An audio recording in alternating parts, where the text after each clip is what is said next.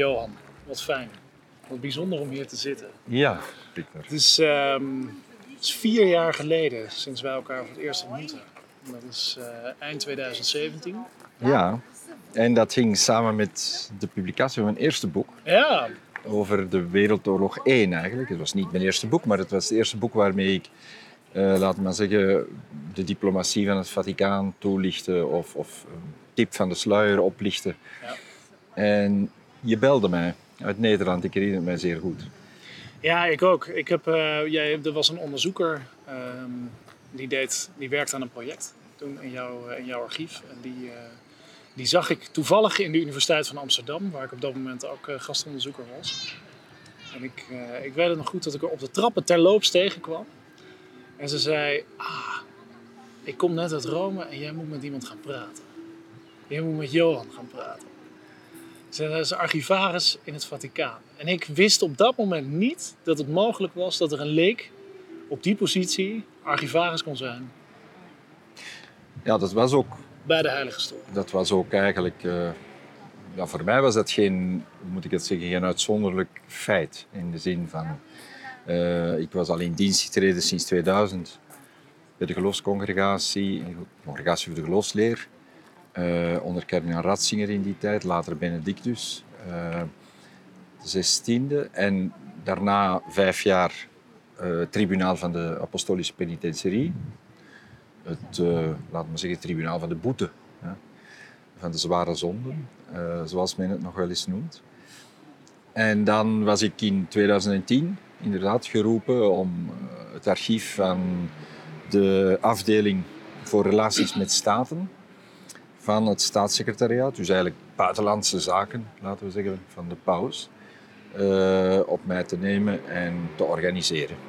En vooral de voorbereiding eigenlijk in te zetten, in te luiden van eh, de akten, de documenten van Pius XII. Dus het, laten De we paus zeggen, die tijdens de oorlog, de Tweede Wereldoorlog. ja, het vermaarde archief van Pius XII, waar men zo lang over gesproken heeft, over de opening. Nu is ze open. Ja. We hebben dan bij de opening, een jaar of zo geleden, iets meer dan een jaar geleden, natuurlijk de pech gehad dat ook COVID zijn optreden net deed op dat moment. Ja. En dus een week later waren vele archieven direct al toe. Maar goed, we hebben kunnen... allee, die archieven zijn dan geleidelijk toch eh, met mondjesmaat opengezet opnieuw. En dus dat maakt dat toch veel onderzoekers ondertussen een eind op weg zijn om hun thema's, eh, en die zijn heel, laten we zeggen, verscheiden.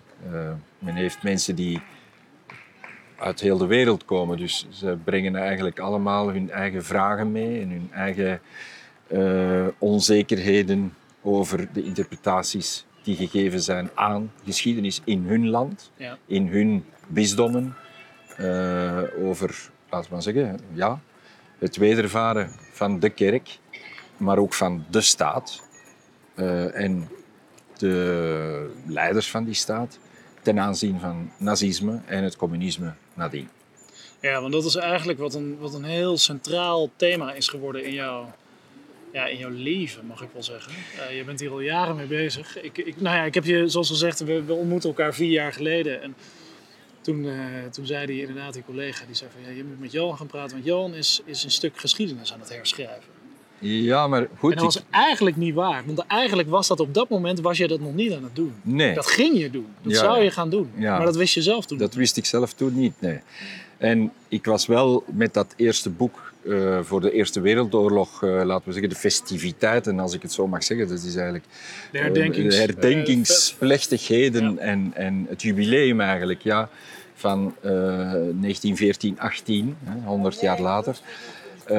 had ik mij wel bij wijze van... Ja, ik was gevraagd geworden voor een lezing te houden en ik had toevallig was ik op iets gestoten dat niet bekend was. Een, een, een, een anoniem manuscript dat uit België kwam en, en ja, in het Frans. En het ging over die brand van Leuven. Dus, dus eigenlijk de invasie van, van de Duitsers, of, of laten we zeggen het beleg van, van Leuven door de Duitsers, wanneer eh, zich daar een eh, totale uh, woede, een furore teutonico ontwikkeld in de stad tijdens de bezetting in augustus van 1914. Uh, en, en ja, waar, waar een internationale hetze over is ontstaan, onmiddellijk eigenlijk. Omdat men dus, ja, de, u weet, de bibliotheek is dan in brand gestoken. Men heeft dus waardevolste manuscripten en volumes uh, die Leuven bezat, zijn dus in vlammen opgegaan. Uh, ook het, uh, het ganse bestek van, van de bibliotheek is eigenlijk in de as gelegd. En dat niet alleen, er waren dus ook een tal van gebouwen en, en zo meer. Nu, die tragedie, die vind ik terug in een, in een anoniem schrift. Ik, ik kijk na en ik zie dat en niemand dat? In jullie archief? In, in, in, in, het, in het archief waar ik Ja. dus uh, de leiding had. En het gekke was, ja, er is natuurlijk al gepubliceerd, ook in België, in Leuven. Er waren genoeg onderzoekers voor mij die, die zich daarop toegelegd hebben. Maar dat specifiek handschrift was eigenlijk nooit serieus genomen. Of was nooit, laten we zeggen, had niemand eigenlijk uh, in de hand genomen en gezegd van laat me dat eens even onderzoeken. Wat, wat, van wie komt dat? Wie, waarom is dat hier? En inderdaad, het, het boek is eigenlijk een, een, een, verhaal van documenten. Die beginnen de hoofdpersonen te zijn. Want dus het is dat document dat eigenlijk waar ik kan van vaststellen, na lang onderzoek, en het vinden van andere documenten, kan ik dan zien dat dat document specifiek eigenlijk veel later in Rome aangekomen is dan wel de datum dat het uh, draagt. Dus maanden te laat is het in Rome aangekomen. En dus er was iets dat niet klopte. En ik wist dan ook ondertussen dat het door de nunciatuur, dus eigenlijk de diplomaat van de paus, Hmm. de vertegenwoordiger, diplomatiek vertegenwoordiger in Brussel, het te laat heeft opgestuurd. Of heel laat heeft opgestuurd. En, en, maar het bleef allemaal zo.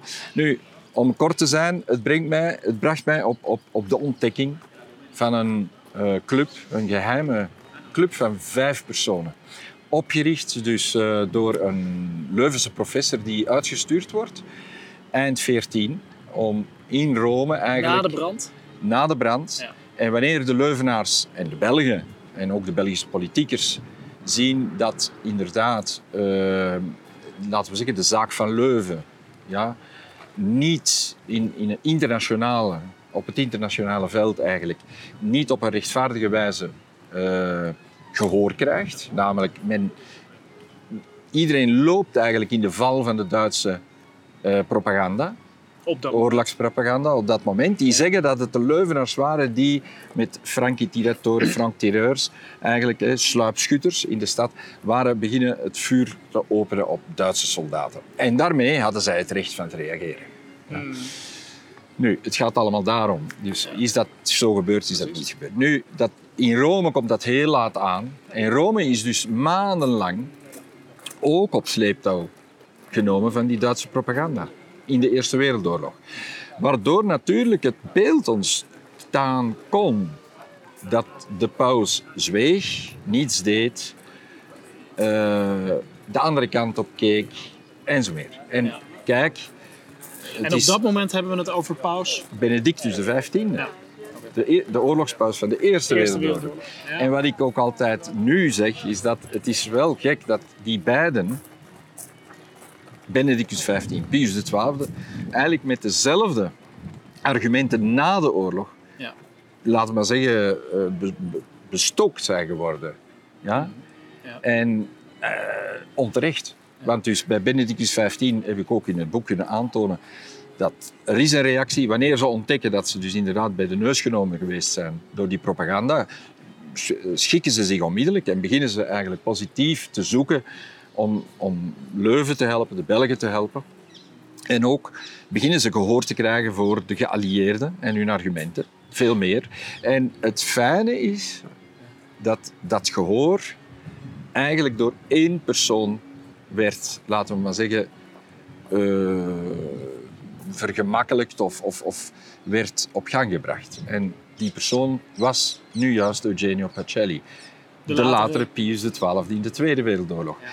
En dus er viel ook van mij een, een laat maar zeggen, de, een, het doek dat voor mijn ogen nog stond. Want je moet beseffen, wij zijn allemaal opgegroeid en grootgebracht geworden, ook in de universiteiten, met dat idee van de paus, Benedictus XV, en later Pius XII, was met de Duitsers.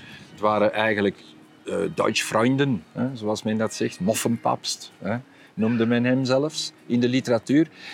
En plots blijkt dat er iets helemaal anders bezig is. Er is namelijk een, een, zelfs een, mag ik bijna zeggen, een samenzwering, conspiracy bezig bij die groep, met club van vijf, die door Pacelli eigenlijk laat maar zeggen, geholpen wordt. Hij blijft natuurlijk neutraal. Hij moet dat ook blijven voor de positie van de Heilige Stoel. Niet in het gedrang te brengen. Maar laten we eens teruggaan naar dat. Want je zegt, hè, we zitten nu in de Eerste Wereldoorlog. We zitten eind 14. Ja. Uh, dan wordt er een, een, rapport over de gebeurtenissen in Leuven. Wordt te laat door de nunciatuur Dat komt dus pas in 15 aan, in Precies. de zomer. Dat is veel en te dan laat. pas, dus eigenlijk is hè, die, die eerste periode, uh, zeg je, na, uh, na die grote brand in Leuven, Ja. na die tragedie die, die de Duitsers daar hebben aangericht, um, eigenlijk op doorroute naar Frankrijk. Hè, Ja. Dus die mensen die waren onderweg eigenlijk, die soldaten waren onderweg naar Frankrijk toe. Richten daar in Leuven een, een bloedbad aan, een tragedie aan, verbranden de bibliotheek, et cetera. Ja, en mensen En verdrinken, mensen, stikken precies. in hun Ja. kelders en ik weet niet wat. Dus er wordt Ja, dat- echt een oorlog gevoerd in de straat. Eh, Precies, en die oorlog, dat is een fysieke oorlog, maar dat is tegelijk een propagandaoorlog waarin in de eerste maanden het fake nieuws, als je daar in moderne termen over kunt spreken, eh, regeert en overwint. En dan pas veel later komt eigenlijk, komen andere berichten bereiken Rome, bereiken het Vaticaan, Ja. bereiken ook Benedictus XV, Ja. dan paus.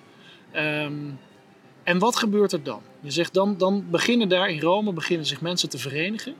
Nee, dus er wordt eigenlijk een missie gestuurd en de page komt aan en, en gaat onmiddellijk bij de Benedictijnen hier vlak achter wat we En wat was zijn functie Zien. op dat moment? Eh, hij was een professor, Ja. een Leuvense professor. Die wordt eigenlijk een goede vriend van kardinaal Mercier. Die misschien wel klinkt de naam Mercier. Hè. Ja. En eh, ook een, een opvolger van Mercier aan het Filosofisch Instituut in Leuven. Dus eigenlijk, laat maar zeggen, very close eh, tot de kardinaal, aartsbisschop op dat moment. Ja, en dus zoals in het boek Jan de Volder hè, zegt, kardinaal verzet hè, voor Mercier. En dat was het ook. En dus hij komt dan in Rome, de ploage, die professor. En hij eh, begint onmiddellijk met enkele, een Fransman, een Engelsman. Ook de Engelsen komen hier net op hetzelfde moment aan. En openen een ambassade. En dat is heel belangrijk, dit element. Ja. En dat zal belangrijker worden wanneer het tweede boek geschreven wordt. Want daar valt mij dan ook weer op hoe hetzelfde verhaal zich ontwikkelt bij de Tweede Wereldoorlog. En men ziet dat dus de Engelsen eh, een, een ambassade openen bij de Heilige Stoel, gezantschap, na 400 jaar geen ambassade te hebben bij de Heilige Stoel, bij de paus. De, nou, met de Anglikaanse schisma eh, is eigenlijk, zijn, laten we zeggen, de diplomatieke betrekkingen zijn wel eens even opge, opgewakkerd geweest, maar dat is nooit bestendig geworden. En cool gebleven, ja, voor eeuwen. En plots in de Eerste Wereldoorlog, nu net tijdens de oorlog, denkt men eraan van een ambassade op te richten bij de Heilige Stoel. Het is toch wel een beetje frappant. Vond ik toch wel. En dus, ik, dus ze zien die Engelsen, die Fransen. En dan, het gekke is dat uiteindelijk die groep... Hè, er komt een Roemeen bij, een heel be- beroemde Roemeen trouwens, een martelaar later. eh, die zal sterven onder het Sovjetregime. Be- dus, eh, en dat is Gika. Pri- Prins Kika, uiteindelijk eh, een, een, een zeer eh, actieve figuur ook. sociaal en caritatief. En dan de figuur die eigenlijk ja, zeer onverwacht was, was voor, voor mij natuurlijk Yamamoto, de Japanner.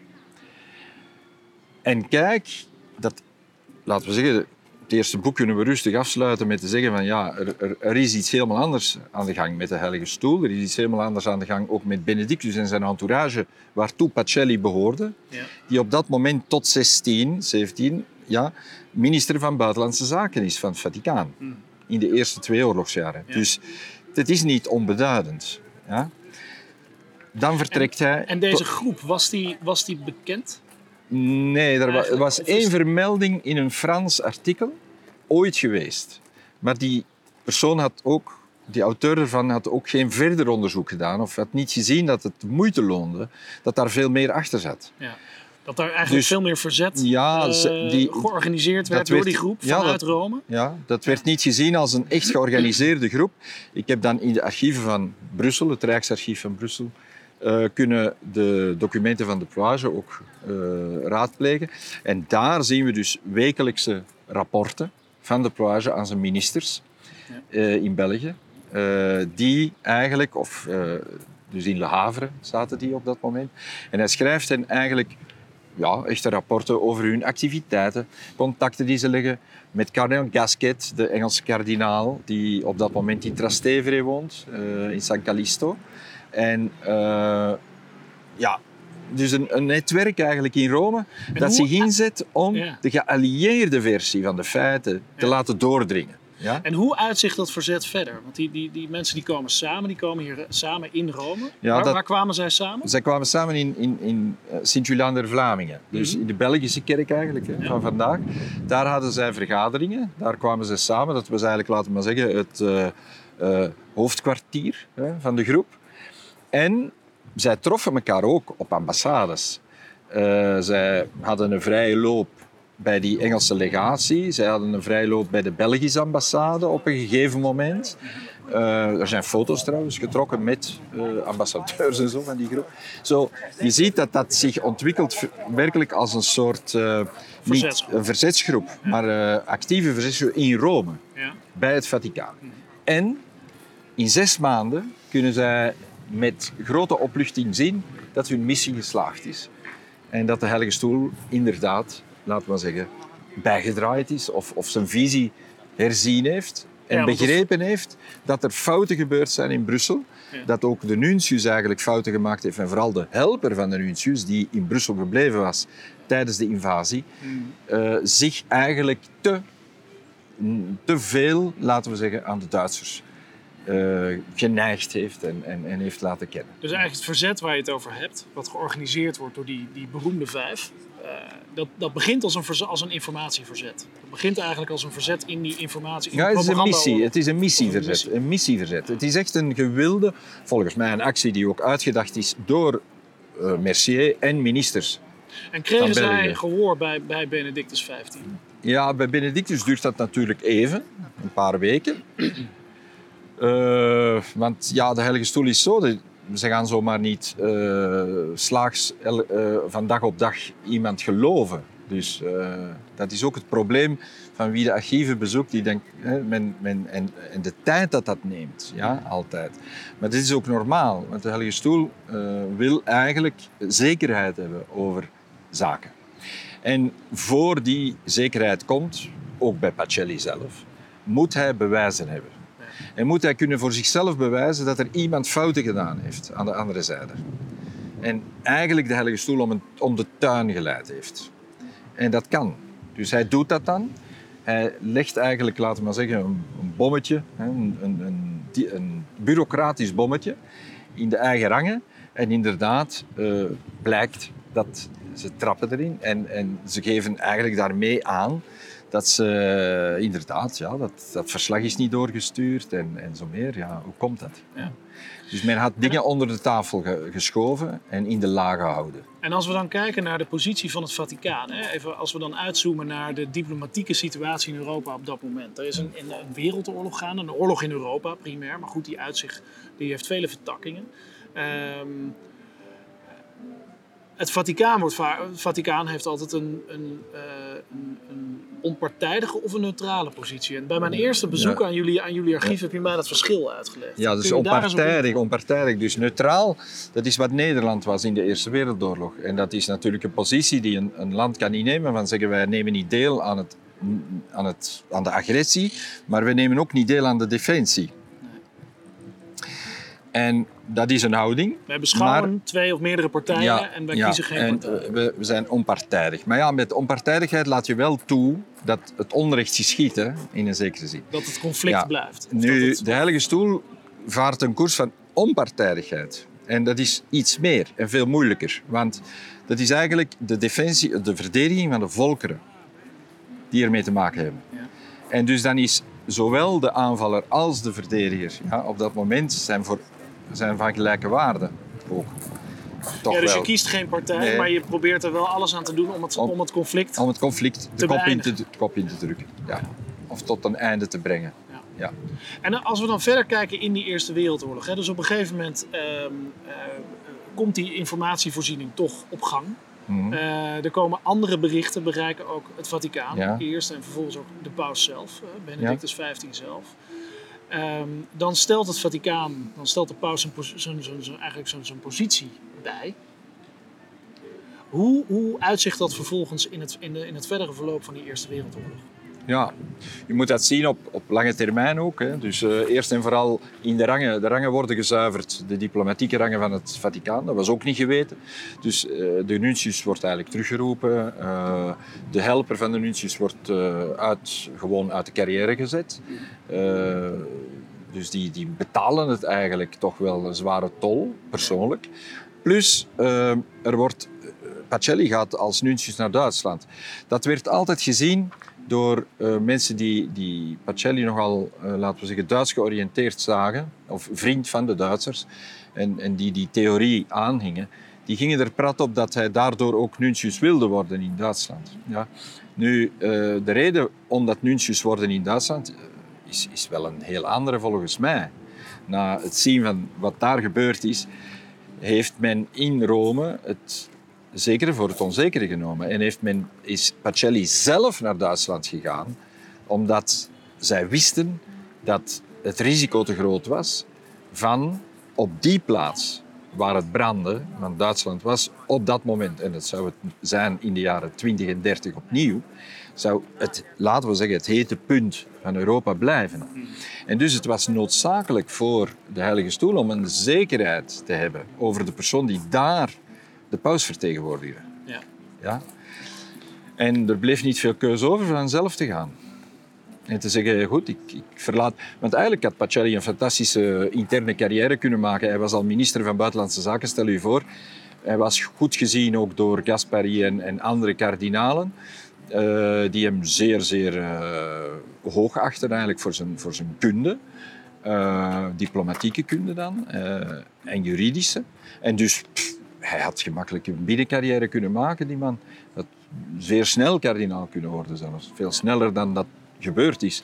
Want hij is dus inderdaad Want op dat een lange moment was hij tijd nog weg geweest. Hij was ja, hij was een monseigneur. Ja, ja, hij was een monseigneur. En hij wordt dan gewijd ehm, in de, Capella Sistina, eigenlijk. Mhm. hè, eh, en, en, en vertrekt dan als nuntius in Duitsland, 17. En eh, gaat daar eh, toch ja, tot de jaren 30 blijven. Hè.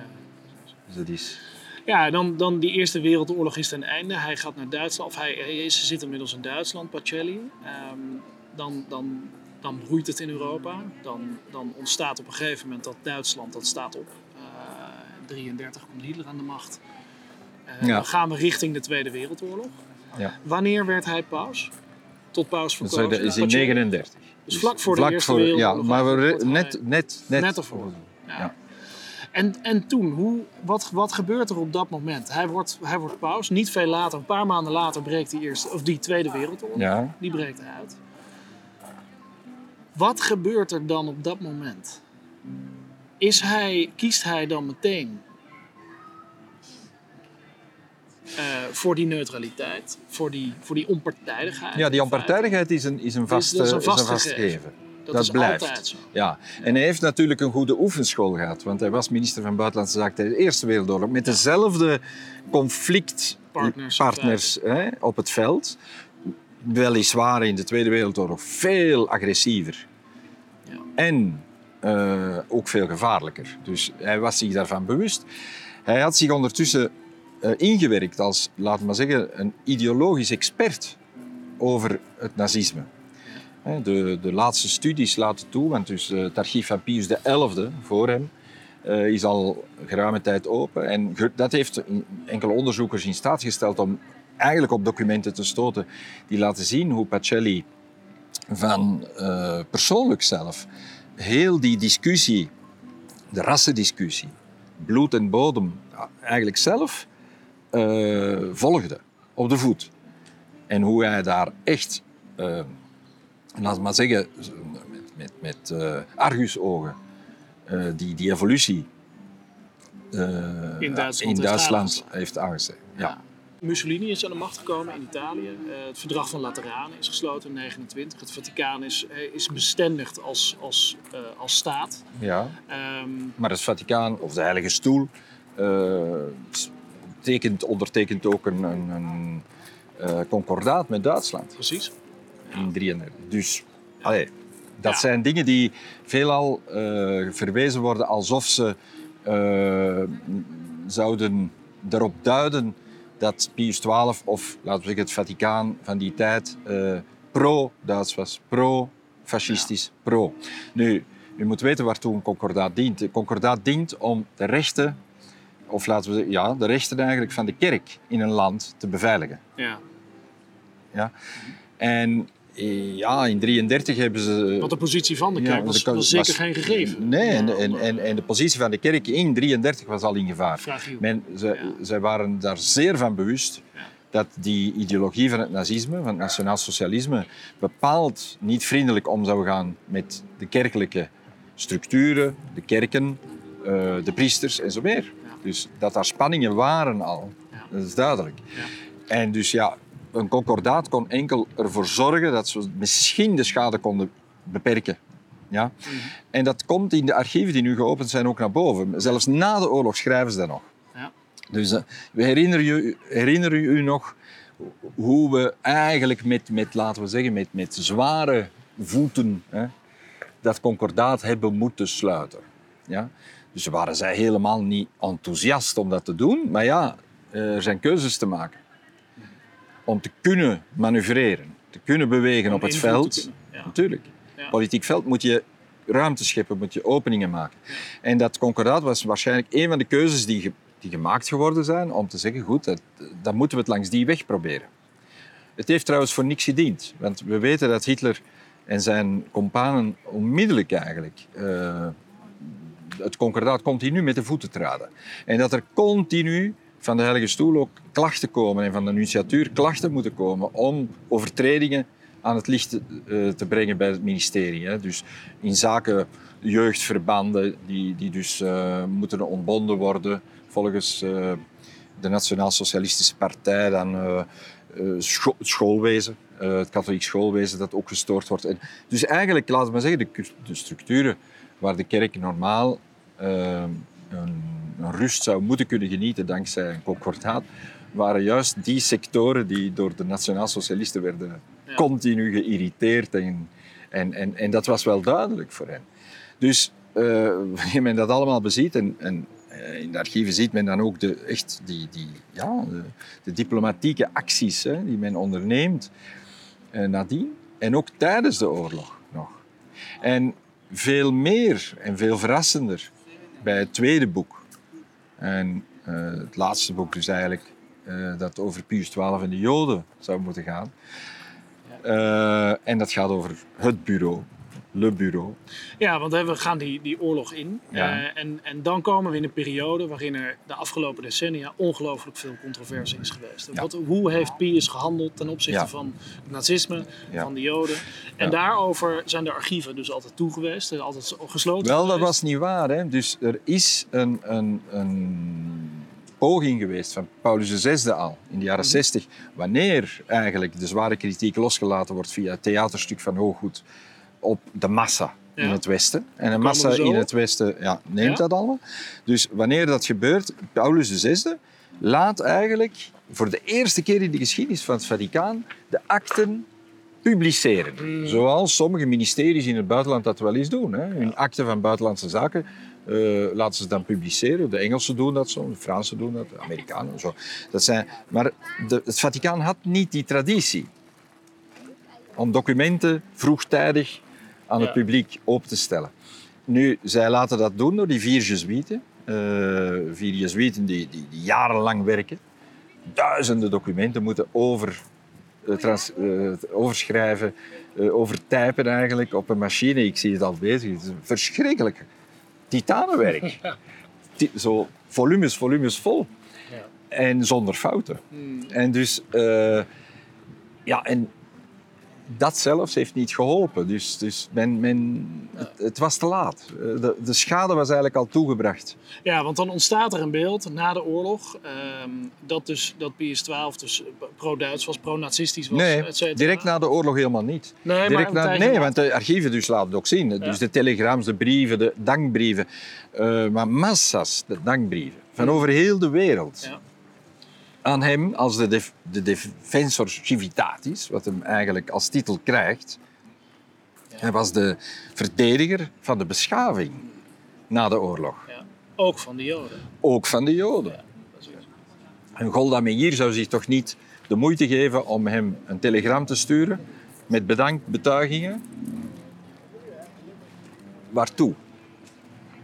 Ja, dan moet Ja, er toch wel een grond zijn. Want daar ik. gaan we het over Ja. hebben in feite. Ja. Nu, Want dan, dan ontvouwt zich een, een verhaal ehm, wat jij in de archieven op het spoor komt, gaandeweg, door jouw werk in de archieven. Dan ontvouwt zich een verhaal wat, wat eigenlijk heel anders is dan de geschiedschrijving eh, eh, ons heeft verteld in de afgelopen decennia. Over de rol van, van Pius XII en over de rol van het Vaticaan ook ehm, in, in de oorlog. Ja, Over de rol van de Heilige Stoel. er, waren, er waren auteurs of onderzoekers die wel dat verhaal vertelden, maar die werden gewoon niet gehoord of werden, laten we zeggen, monddood geslagen, laten we zeggen, door, door de, de grote heisa tegen Pius XII, die hier altijd geweest is.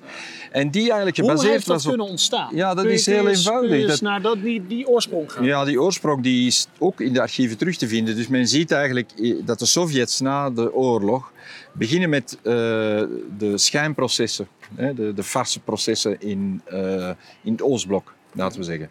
En dus eh, grote kardinalen als Vincenti, Beran en zo moeten het ontgelden, maar ook andere kerkelijke figuren ja, in, Ja. in, in de Sovjetblok. Ja. Eh, en, en moeten het ontgelden. Nu, op een gegeven moment eh, mm, hebben, laten we zeggen, de geheime diensten eigenlijk van Rusland gezien dat, het, eh, dat Pius XII nog altijd, laten we zeggen, de morele figuur was die er goed uitkwam. Ja? En dat moest veranderen voor hen. Wat hadden zij daarbij te winnen? Oh, zij hadden daar veel bij te winnen. Hè. Want dus, eh, eerst en vooral, de Heilige Stoel was eigenlijk de grootste vijand op de wereldkaart. Van Voor het communisme. voor het communisme, Sovjet-regime. Of schoon, en dat is ook weer een leugen. Hè. Dus, eh, men- van daaruit gaat men zeggen, ja, maar Pius XII was ook een anticommunist. Hij was zwaar anti... Ja, hij was misschien wel anticommunist, en dat is maar goed ook, maar hij was niet tegen het Russische volk. Hij heeft, heeft Rusland, of de Sovjet-Unie op dat moment, de top, in 47, 48 al aangeboden opnieuw een dialoog te voeren. Ja. Hij is bij de neus genomen door de Sovjets. De Sovjets hebben eigenlijk, eh, laten we maar zeggen, dat, dat ballonnetje niet laten opgaan. Na tien missies hè, die, die gebeuren tussen Budapest in het geheim en Rome. Dus die dingen zijn gebeurd en men ziet daar de wil om toch met de Sovjets aan tafel te gaan. Maar ze, ze laten dat dan doodbloeien of ze laten dat op een muur doodrijden, laten we zeggen. Ja. Dat initiatief. Dus die, die, en dat die- wordt nog eens gedaan in de jaren 50 en dat loopt weer mis. Ja. Ja. En dus het zijn eigenlijk de Sovjets continu die, die niet willen. Ja. En die willen eigenlijk, het, laten we zeggen, de, de, want de kerk op dat moment, in de jaren 40, 50, eh, was in de wereld inderdaad, laten we maar zeggen, een, een, factor van belang. factor van belang. Ja. En was een richtingwijzer. Ja. En was ook een morele instelling van gehalte, die een enorme invloed uit- uitoefende. En daarbij komt dan ideologisch natuurlijk. Het christendom heeft een universele missie en aspiratie. En dat heeft de Sovjet-Unie ook. Want het communisme heeft een universele aspiratie. Dus er komen eigenlijk twee laat, werelden in botsing, als je het zo zegt. Of, ja, of, of komen twee Ja. denkrichtingen. En, en, en, eh, als je denkrichting, want het geloof is nog iets anders, maar dat zijn toch eh, van die aard richtingen die in botsing komen. Ja. Ja? Twee mensbeelden, Ja, twee twee wereldbeelden. werelden die in botsing komen. Ja. Dus het materialisme, een spirituele visie ja, op de mens. En dan En- komt er en- een spin. En, en, Dat dan, ja, en dan komt er dus een spin. Waarom? Omdat op een gegeven moment vinden zij dus dat idee uit. Eh, we moeten enkel, hè, dus in de jaren 60 na de dood van Pius XII eigenlijk. Uh, het volstaat eigenlijk van een theaterstuk. Uh, met eigenlijk de twee pijlers van de kritiek. Hè. Dus hij heeft niets voor de Joden gedaan, hij heeft de Joden, hè, en hij heeft met de Duitsers samengewerkt. Dat is het verhaal dat wordt gespind? Ja. En dat is gedocumenteerd? En dat is gedocumenteerd. En wanneer, uh, die, die archieven moeten nog open gaan, want dat is dan onder Johannes 23 en zo, en Paulus VI, dat dat verder gaat. Maar uh, men, men, men kan nu al zien, en men weet nu al uit de andere archieven, en het, uh, dat inderdaad de geheime diensten daarmee bezig geweest zijn en dat die mensen die dat geschreven hebben, Hooggoed heeft het eigenlijk zelf niet gedaan. Hij heeft, is geholpen geworden op het einde door Piscator, die heeft dat helemaal opnieuw geschreven. En Piscator was een dubbelagent en dat weten we. Dus de, al die dingen die, die hebben een zin. Ja. ja die hebben een betekenis. Ja, die hebben een, en, en die hebben een gevolg gehad. En die hebben, de, hebben de, een zware geschiedschrijving. Zeer zwaar gevolg. U moet, zich, u, moet zich voorstellen, u moet zich voorstellen dat universiteitsprofessoren ja. tot gisteren dat verhaal vertelden aan de studenten. Maar er was geen bewijs. Dat was gebaseerd op een theaterstuk. En waarom heeft het Vaticaan ervoor, of de Heilige Stoel ervoor gekozen om de archieven niet eerder te openen? Nou, dat is een, omdat er, dat weet ik niet, dat moet u de pauze vragen, maar uh, het is ook zo dat er een archief... Want men had dat nee, verhaal er is een, eigenlijk veel eerder kunnen Ja, maar er is... kunnen, men heeft, kunnen, ik heb het gezegd, Paulus de Zesde... Nee, Paulus de Zesde heeft een uitzondering gedaan mm. met juist die groep van vier. Ja. Zeggen, ja, maar die hebben een keuze moeten maken. Namelijk, die hebben, er was veel te veel documentatie. En die hebben gezegd, alleen de officiële documenten, ja, waaruit dus de houding van de Heilige Stoel naar Duitsland, Engeland en zo meer zou kunnen blijken, naar boven komen. Maar ja, en dat is nu juist het, het, het, het is niet grappig eigenlijk, want het is bijna pijnlijk. Maar het boek, Le Bureau, Jouw boek, gaat, wat je hebt ja, kunnen schrijven door gaat in ja. op juist dat wat niet zo officieel is, namelijk de dingen die in de marge geschreven zijn. Ja. De dingen die tussen de lijnen geschreven zijn. De opmerkingen die gemaakt worden bij bepaalde officiële statements ja. van de andere zijde of van hen. Ja. En ook interne documentatie die uitgewisseld wordt tussen de secretaris Tardini, dus de minister van Buitenlandse Zaken, en de kardinaal of een diplomaat die voor hen werkt en die opdracht krijgt om dat en dat te doen. Maar de handgeschreven documentatie, uh, die uh, toont ons tien keer meer wat in de achterkeuken van het Vaticaan echt bezig was en, en wat er werkte. En dan de grote ontdekking, als ik, ja. Allee, ja, ja. als ik je mag zeggen. Want er zijn zelfs nu tot op vandaag nog mensen die zeggen van there is no smoking gun. Ja? Wordt dan in internationale conferenties gezegd. Maar goed, als u... Er is no smoking gun, dat, dat, uh, dat, de visie goed is geweest. Ja, dat, de, ja, dat de visie kan veranderen op Pacelli. Ja, ja, precies. Ja? De Pacelli-pauze. Ja. Nu, als u mij zegt dat een Pacelli-list met name van Joden in heel Europa, die goed staan voor 3,5 meter archief. Ja? Als dat geen smoking gun is. Ja, want dat is eigenlijk, hè, want je hebt, dat is een van de grote ontdekkingen die jij hebt gedaan in het onderzoek, of in ieder geval de, gro de grote vondsten die je hebt uh, ja, gedaan. dat was, dat was, en het was een verwonderlijke... is een Pacelli-list. Ja, wat, ja Pacelli-list, ik noem dat zo. Omdat, nou ja, goed, oké. Okay, ik noem dat zo omdat het echt vergelijkbaar is met een Pacelli-list. En het is, ook, het is ook een ja. list. Hè? Dus ze zijn echt geboekstaafd. Van uh, Joden? Van Joden. Die met Christelijke of, of Joden die, uh, laten we zeggen, echt het Joodse geloof aanhangen. Ja. Ja? Dus beide. Mm -hmm. uh, en die de paus brieven schrijven eigenlijk. Rechtstreeks aan de paus. Nu moet u mij voorstellen, u zou, zou u een brief schrijven aan de paus voor hulp? Ik, uh, ik zou twee keer nadenken. Ik ook, ik ja. ook. Ik, ik, het is niet bepaald zoiets dat je spontaan dagelijks, dagelijks gaat doen. Dus dat op zich is al heel merkwaardig. En als je er tien zou vinden, dan zou je zeggen, ja goed, dat zijn de tien die nou ja, de moed gehad ben hebben. Een, een, een, nee. Ik ben niet, ja, ik nee, dan zou je zeggen dat... Maar goed, ik, ben, ik, ben, ja, maar... ik zou als Jood, zou ja, ja Victor, maar je zou, zou voor mij niet normaal zijn om dat paus, de, de katholieke paus... Een, uh, ja, nee, en, en ook je doet dat niet naar de paus. Ik, ik bedoel, allee, dat is de laatste figuur, zou ik bijna zeggen. Dat je durft dat bijna niet. Ja? Nu, die, dat gaat hier niet over tien. Dat gaat hier over minstens 2700, 800 mensen. Brieven ja. die staan voor een gezamenlijke, ik weet het nog niet, want we moeten dat allemaal nog uitzoeken, 4800 mensen of zo, of meer. Ja. Ja? Mensen wiens die slot, dus- wiens slot verbonden is met die brief. Ja?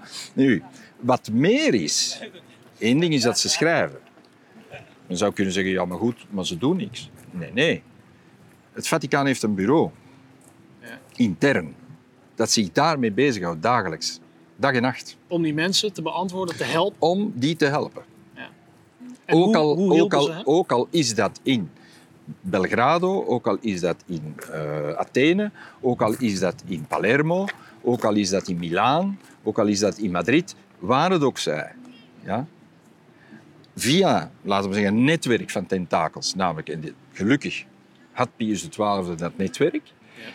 en met de samenwerking die ze konden hebben met Engeland ook, en Amerika soms, want hè, dus de, de staten hebben soms ook geweigerd. We weten dat Amerika ook geweigerd heeft eh, Joden op te nemen. Ja. Dus, omdat de quota's. Oh, We kennen het verhaal van de quotas. Ja. De dingen veranderen niet. Dus staten hebben quota's en zij houden zich daaraan. En Maar goed, er zijn heel- dus ook staten, even los van de reacties Ja. van de staten, maar die, de- het Vaticaan heeft dus middels dat bureau, wat door Pius is opgericht om dus deze brieven allemaal te beantwoorden Ja. of daar, daarmee aan de slag te gaan, al deze mensen via geprobeerd, het netwerk van sluiproutes... geprobeerd te helpen. En in sommige gevallen is dat gelukt. Sommigen danken hun leven daaraan. Ja. En bij anderen lukte dat niet. Maar het lukte niet, waarom? Omwille van weerwil van staten die niet mee wilden werken, of de nazi's die te snel waren. En die te vlug. Want dat is natuurlijk, het was met procedures ook, en de procedures lopen traag, lang. Hè. En het ging allemaal over ministeries, over eh questuras, over eh, officiële kanalen. Ja. Eh, dat gaat traag. En past hierin ook het verhaal, het beroemde verhaal van over Casta Gandolfo, waar heel veel mensen Nee. ondergedoken hebben gezeten? Nee, dat is een heel ander. Dat is dus een ander facet van Ja. die hulp. Ja. Dat is Rome. Ja? We weten nu al, er is natuurlijk de deportatie van Rome, heel spijtig genoeg. We weten dat bij de deportatie zelf er eh, acties ondernomen worden vanuit het Vaticaan om mensen los te krijgen, vrij te krijgen. Net zoals dat in Nederland en in België gebeurde. Ja. En somtijds kwam er wel eens iemand vrij. Ja. Maar ja, dat was werkelijk... Hè, het was bijna Een onmogelijk. fractie op Ja, het, het was een op fractie op het geheel.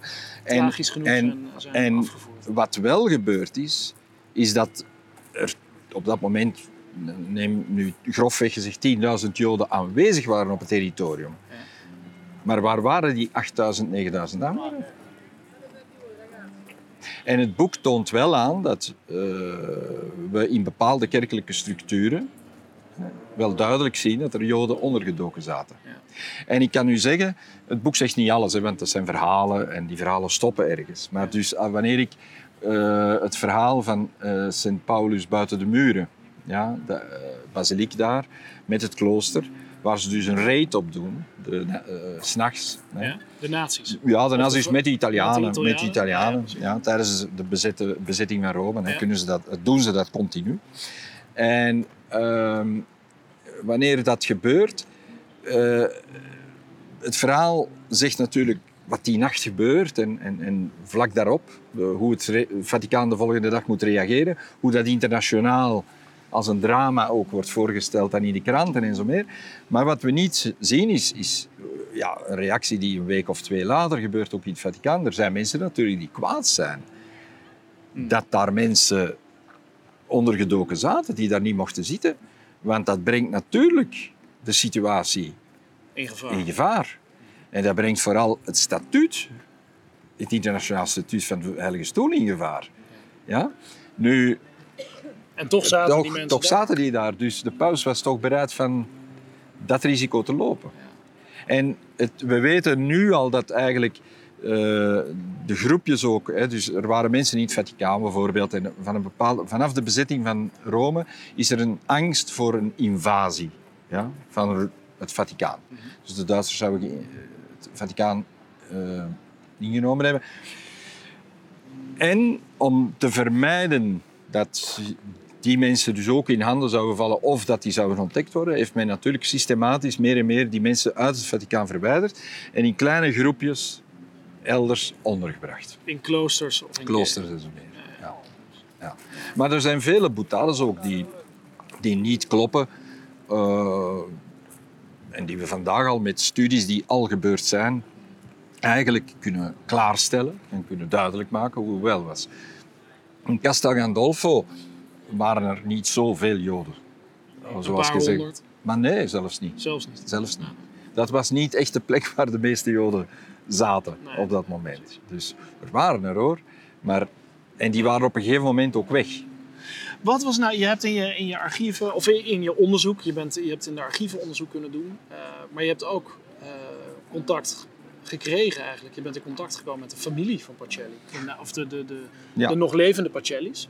Je, ja. hebt, je, hebt, uh, je hebt kunnen, kunnen zien in dagboeken. Je hebt, je, hebt, je hebt veel, of in ieder geval, je hebt privé-materiaal ook kunnen lezen. Ja. Wat was, als je terugkijkt, um, hoe, hoe, zou jij Pacelli, Eugenio Pacelli, Pius 12, als mens typeren? Ja, als mens, ik heb er nu een idee van. Uh, die man die was uh, eerst en vooral super, een superintelligent wezen, zo'n een genietje in de klas. Nomen is het ook. Ja, ja zo een, een genietje.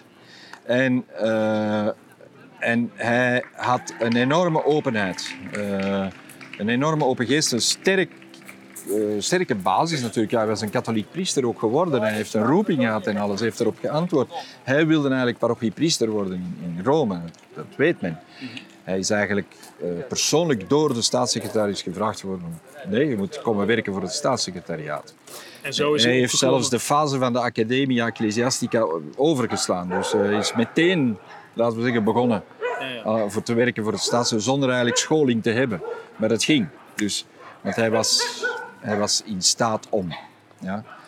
Uh, nu, wat ik van in het begin zie nu, is die enorme moderne geest.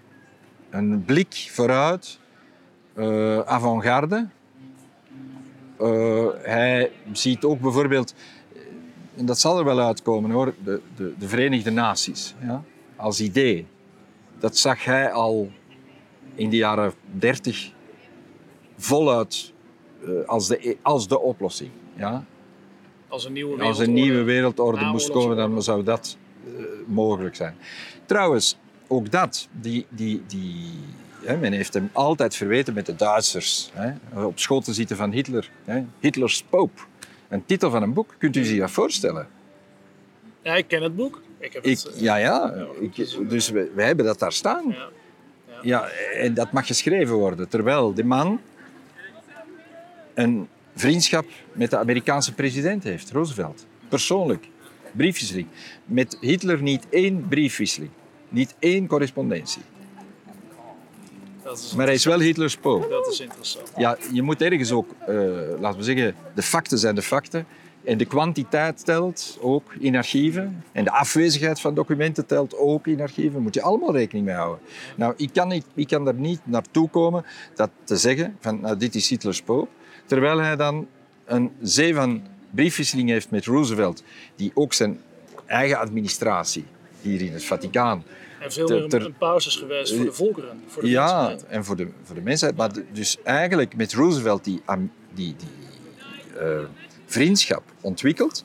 En waarin zij zelf zich als kinderen van het licht bestempelen.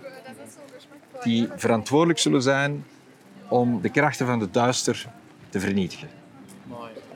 Dus, je, hebt, je hebt jouw boek in het Engels kunnen schrijven. Ja. Um, het is uiteindelijk voor het eerst verschenen in het Frans. Ja. Uh, door een, nou ja, ja, dat zijn editoriale, ja, editoriale redenen. Oh, hoe, ja, het is inmiddels in, in tien talen. Uh, nou, nee, het is zijn, afgelopen jaar zijn, verschenen. Dat is misschien er is in het eh, Italiaans dus ook ja. uh, een versie gekomen bij Rizzoli Milaan. En dan ondertussen is er een Portugese vertaling klaar, heb ik gehoord. En dan Hongaarse ook. En zijn er vertalingen in uh, Griekenland, in uh, Roemenië, in Rusland uh, en zo meer. En Niet onbelangrijk? Nee, nee, nee, Rusland zal natuurlijk heel belangrijk zijn ja. ook voor dit verhaal. En als je nu kijkt naar de... de, de ik weet wel dat we het de afgelopen jaar over hadden, vlak voordat het zou verschijnen. Ja. Toen vroeg ik je van, wat, wat, wat denk je dat het voor impact gaat hebben? Als we, toen zei je, ik heb, geen, ik heb geen idee, het kan alle kanten op. We zijn nu een jaar verder. Hoe, wat is de impact tot nu toe en, en hoe kijk je naar de komende jaren? Wat, wat voor... Ja, ik kan dat niet voorspellen. dit boek Ik- ik- voor de- dit, dit boek heeft één impact. Heeft het, hè. Dat, het, het stelt iets klaar wat tot hiertoe niet gezegd was. Namelijk Pius XII, Pacelli, de jonge Pacelli, stond aan de basis van een denken over de Joden dat anders was dan het traditionele denken in de katholieke kerk over de Joden. Dat toch wel negatief was, moeten we toegeven. Dus er was niet bepaald een grote vriendschap naar de Joden toe vanuit de katholieke wereld in de 19e eeuw. En dus de documenten die gevonden zijn ook in 16 en in 19 nu, ja, die verraden eigenlijk eh, naar de Joden toe, waarin duidelijk, hè, onomwonden gezegd wordt, de Joden zijn onze broeders. En dat wordt... bes- Dat, dat, wordt- schrijft Pacelli. Nee, dat schrijft de staatssecretaris. Maar dat document is wel door de administratie, door Pacelli, eigenlijk Ja. voorbereid geworden. Ja. Dat is duidelijk. Dat, dat zijn zij die die eh, Want daar statements... werkte hij op dat Daar moment. we- hij was op dat moment de verantwoordelijke voor die politiek. En dus dit document, dat is van zo... Nu, het werd ook gezegd in de pers dan... Ja, maar met één document kan X niet bewijzen dat. Maar als je het in 19 opnieuw vindt, ja, dan is het magisterium. Dat wil zeggen dat drie jaar later nog altijd zo is. En we hebben ondertussen eh, een brief ook gevonden. En gelukkig zijn er vrienden dan eh, in Frankrijk die dat melden ook en zo.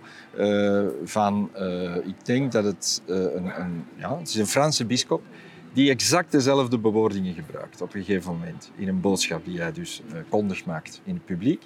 En dat wil zeggen, er was een Pacelliaanse doctrine Aan het ontstaan. Al ontstaan. Ontstaan. Er was al ontstaan. En mijn thesis is eigenlijk in het boek ook dat die Pacelliaanse doctrine naar de Joden toe eh, zijn hoogtepunt vindt, en niet het begin, maar het hoogtepunt vindt in het Tweede Vaticaans Concilie. Nostra Aetate. In het document waar dus inderdaad de Joden als broeders worden eh, gekenmerkt. Nu, dat is een eindpunt van een tientallen jaren lange ontwikkeling in de kerk. Ja, dat verandert ook veel. Want dus dan is het niet, laten we zeggen, de lente van de verhoudingen met de Joden in de jaren 60. Maar dan is de lente in de Eerste Wereldoorlog begonnen. Er zijn nu wat talen. Eh, we hopen binnenkort ook de Engelse vertaling van je boek te, te zien. Ja. Misschien een Nederlandse vertaling.